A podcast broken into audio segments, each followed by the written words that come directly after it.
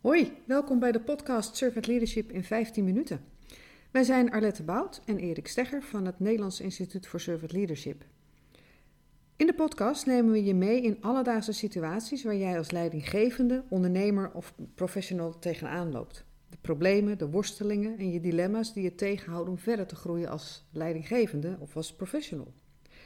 Elke aflevering ga je van ons tips krijgen die je meteen kunt toepassen en waardoor je meer ruimte en lucht krijgt en je groeit als leidinggevende. Laten we eens beginnen met een voorbeeld uit onze praktijk. Ehm, hij heet Kees en ik ontmoette hem toen hij voor een introductiegesprek voor Servant Leadership met ons, met ons in contact kwam. Kees was verantwoordelijk voor de grote corporate productieplant, maakte lange dagen, werkte keihard, liep de gaten dicht en stond onder grote druk van de grote baas. Want een beursgenoteerde onderneming, um, shareholder value was heel belangrijk. Dus hoe meer winst er werd gemaakt, hoe blijer de grote baas was. En hij kreeg een kostenbesparingsuitdaging op zijn pad. En um, zijn baas had ook al de oplossing uh, meegegeven. Want hij moest bezuinigen en dat zou hij het beste kunnen bereiken. Vooral het snelste als hij mensen eruit zouden laten gaan. Maar Kees was helemaal niet zo van het um, mensen ontslaan. Hij wilde juist de mensen behouden, want hij was echt een mensenmens. Maar ja, daar was een beetje weinig van te merken. Maar Kees was heel erg moe, want hij werkte zich echt een slag in de ronde. Hij werkte dag en nacht, dus hoe moest hij nou nog langere dagen maken? Overal zijn in de fabriek om te kijken waar bezuinigingskansen lagen en zorgen dat hij niet volledig uitgeput raakte.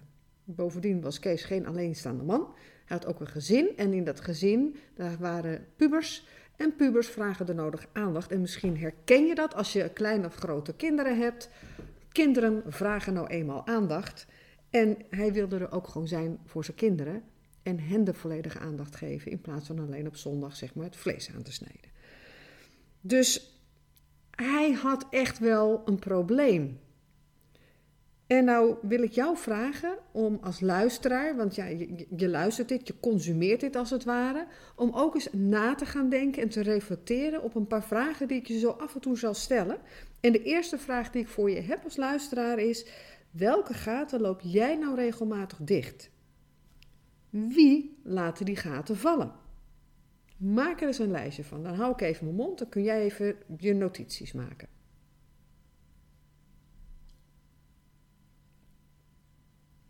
Oké, ik ga ervan uit dat je niet alles hebt opgeschreven wat er te schrijven valt, maar daar gaat het me nu niet om.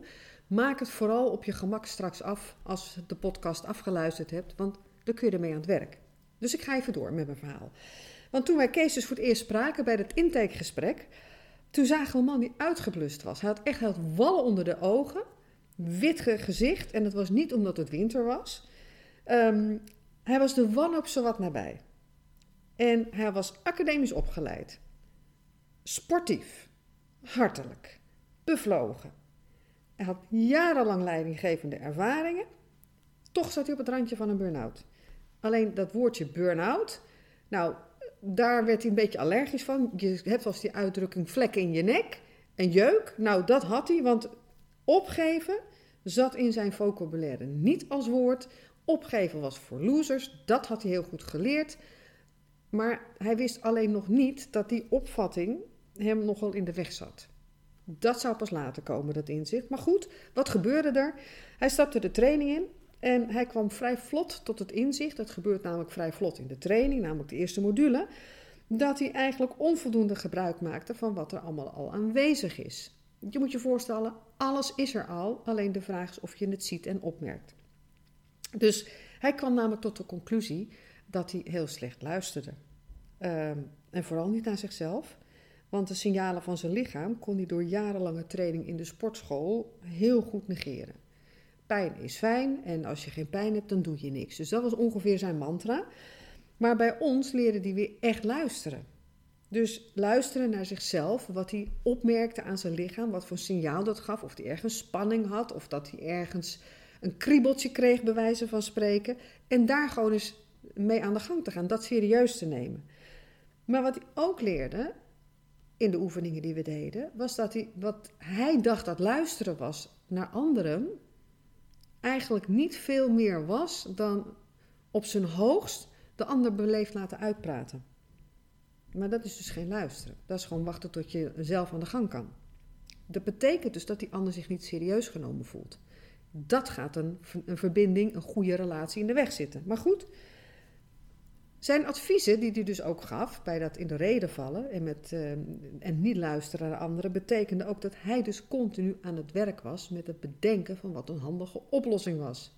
Daarmee miskende hij dus de expertise van zijn teamleden. Nou, de volgende vraag aan jou. Hoe zou jij jouw manier van luisteren nu willen beschrijven? Ik hou weer even mijn mond. Kun jij je antwoord noteren?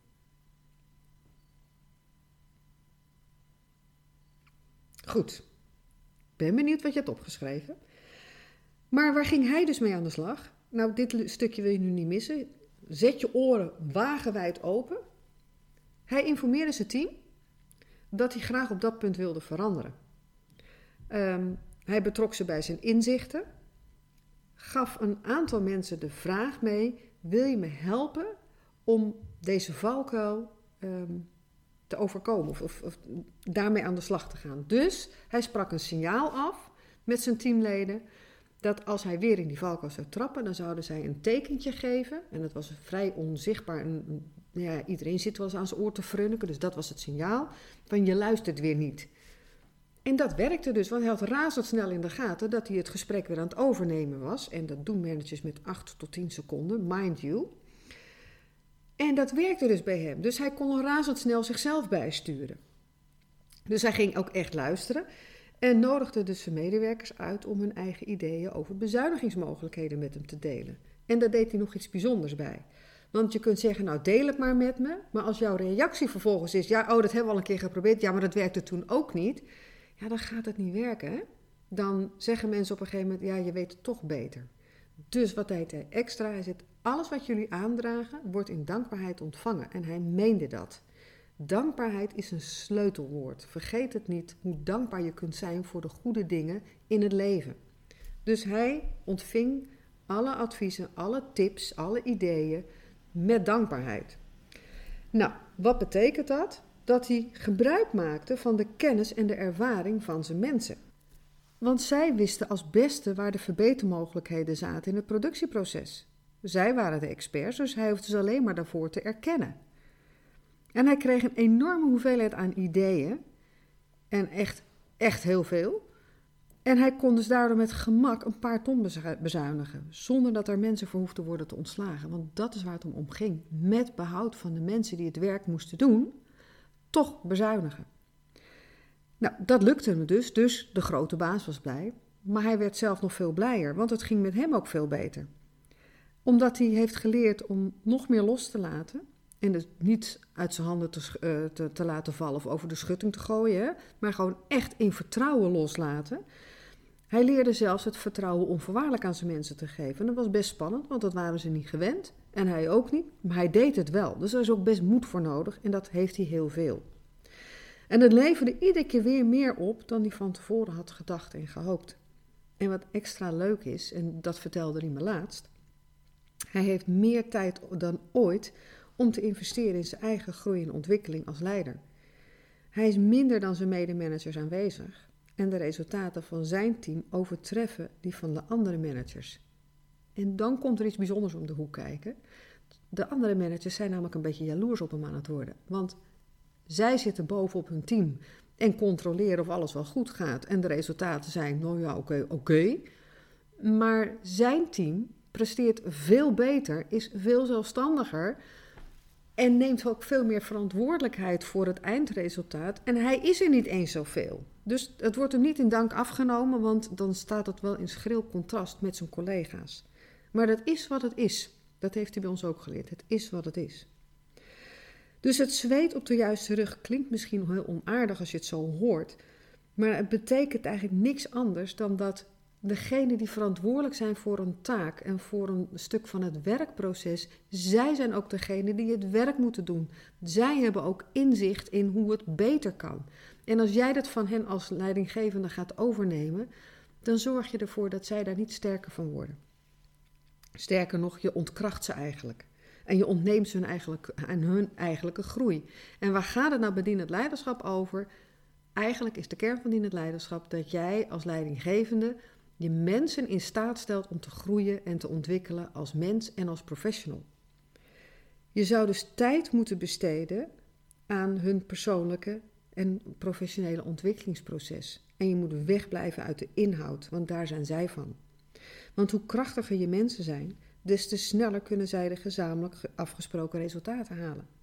En als zij meer plezier hebben in het, in het werk, omdat ze die resultaten makkelijker halen, omdat ze zich gezien en gewaardeerd voelen, let even heel goed op. Gelukkige mensen, er is heel veel onderzoek naar gedaan, gelukkige en blije mensen op het werk, die melden zich veel minder snel ziek, hebben lager verzuim, hebben minder snel de neiging om weg te gaan. En dat scheelt je dus gewoon keihard geld. Want mensen die ziek zijn, moeten vervangen worden. Kost dus geld. Mensen die weggaan, moeten vervangen worden en ingewerkt worden. Dat kost dus geld. Dus je hebt er nogal wat ehm, bij te winnen als je je mensen centraal stelt. Dus, wat kun jij nou als leidinggevende doen om het zweet op de juiste rug te krijgen? Ik heb drie tips voor je. De eerste tip is: betrek je medewerkers bij je leerproces. En het klinkt eng om je kwetsbaar om te stellen, om hulp te vragen. Maar als jij het aan hen doet, die hulp vragen, dan zullen zij ook jouw voorbeeld volgen door elkaar en jou om hulp vragen. Het is ook zo, hè? Dus zij zijn in staat om je aan te geven dat je hun werk aan hun moet overlaten. En daar helpen ze elkaar en jou mee. De tweede tip die ik je kan geven is maak er een gewoonte van om dagelijks te reflecteren met de vraag wat je die dag zelf hebt gedaan, wat bij een medewerker hoort. En misschien zul je in het begin schrikken, maar ook dat inzicht is ook de, de, de sleutel tot verbetering. En de derde tip: vraag je medewerkers regelmatig of ze voldoende ruimte van je krijgen om beter te worden in hun werk. Of ze zich gestimuleerd voelen om zelf creatief te zijn bij de aanpak van hun werk. En als ik zeg vraag je medewerkers regelmatig, dan bedoel ik regelmatig. En niet op dat jaarlijkse functioneringsgesprek. Die ken je misschien wel, dat zijn de moedjes.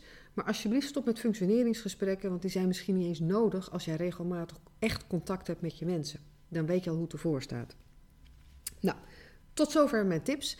Korte samenvatting, waar had ik het nou over? Als je net als Kees ook met de uitdaging zit om continu de gaten van anderen dicht te lopen en je aan het eind van je Latijn bent en niet meer weet wat je moet doen om het tijd te keren, doe dan het volgende. Realiseer je dat je niet alles alleen moet doen. Je moet het wel zelf doen, je hoeft het niet alleen te doen, dus vraag om hulp. Durf je dus kwetsbaar op te stellen en vraag juist je teamleden om je te helpen om beter te worden als leidinggevende. Daardoor krijgen zij meer ruimte om zelf te groeien en dus persoonlijk leiderschap op te pakken. En door echt te gaan luisteren naar de expertise van je teamleden, hoef je als leidinggevende niet zo meer, veel meer op de inhoud te doen. Kun je meer ontspannen en moeiteloos leiding geven. En dan wordt het ook weer leuk om met mensen te zijn. Dus ben jij nu geïnspireerd geraakt door deze aflevering en wil je graag verder aan de slag met dienend leiderschap? Ga dan naar de website nivsl.nl/slash gids en vraag daar de gratis gids Ontdek de dienende leider in jezelf aan. Want met die gids help je jezelf om zelf minder te doen en toch op een moeiteloze manier veel laten bereiken. Dankjewel voor het luisteren, voor je aandacht, de tijd die je hebt genomen om deze podcast te luisteren. En ik heb een verzoek aan je als dat mag. Als deze podcast je heeft geholpen of geïnspireerd, wil je dan alsjeblieft een review achterlaten op iTunes. Want er kunnen meer mensen voordeel hebben van dienend leiderschap. En dat is wat onze bedoeling is: om veel meer mensen dienend leiderschap als inspiratie te laten ervaren, maar ook om daardoor een krachtige leidinggevende van zichzelf ook te worden. Dus dank je wel nogmaals voor het luisteren en ik hoop je bij de volgende podcast ook weer te treffen. En één ding wil ik je nog meegeven voor vandaag. Waar je ook staat in je ontwikkeling en in je leven, realiseer je dat je al op de goede plek bent. Je bent goed genoeg, want je bent er. Dank je wel dus dat je er bent.